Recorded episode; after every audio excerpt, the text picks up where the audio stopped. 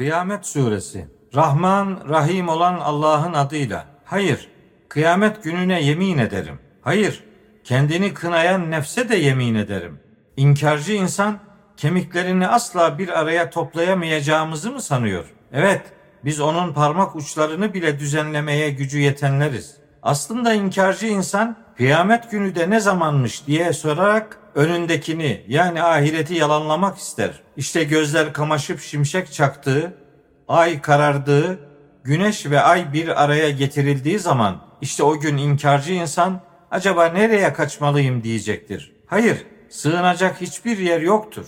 O gün varılacak yer sadece Rabbinin huzurudur. O gün dünyada yapıp öne sürdüğü ve yapmayıp geride bıraktığı ne varsa insana bildirilecektir. Bir takım mazeretler ileri sürmeye kalkışacak olsaydı bile artık insan kendi kendinin şahididir. Ey suçlu kişi! Artık onu yani hakkındaki hükmü çabucak almak için dilini kımıldatma. Şüphesiz ki onun toplanması ve okunması sadece bize aittir. Biz onu okuduğumuz zaman okunuşunu takip et. Sonra onu açıklamak da sadece bize aittir.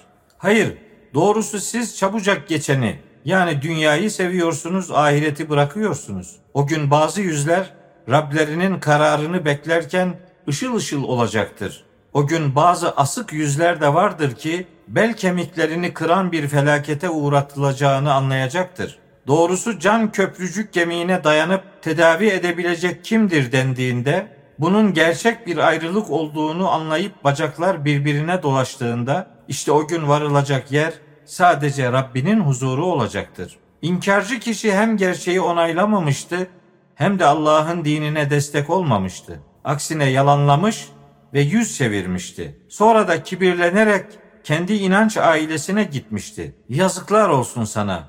Yazıklar olsun. Sonra tekrar yazıklar olsun sana. Yazıklar olsun. İnsan kendisinin başıboş bırakılacağını mı sanıyor? İnsan akıtılan meninin yani spermin bir kısmından oluşan bir nutfe yani zigot değil miydi? Sonra bu zigot alaka yani embriyo olmuş. Allah onu insan biçiminde yaratıp şekillendirmiştir. Allah o meniden de iki eşi yani erkek ve dişiyi var etmiştir. Bunu yapan kudretin ölüleri diriltmeye hiç gücü yetmez mi?''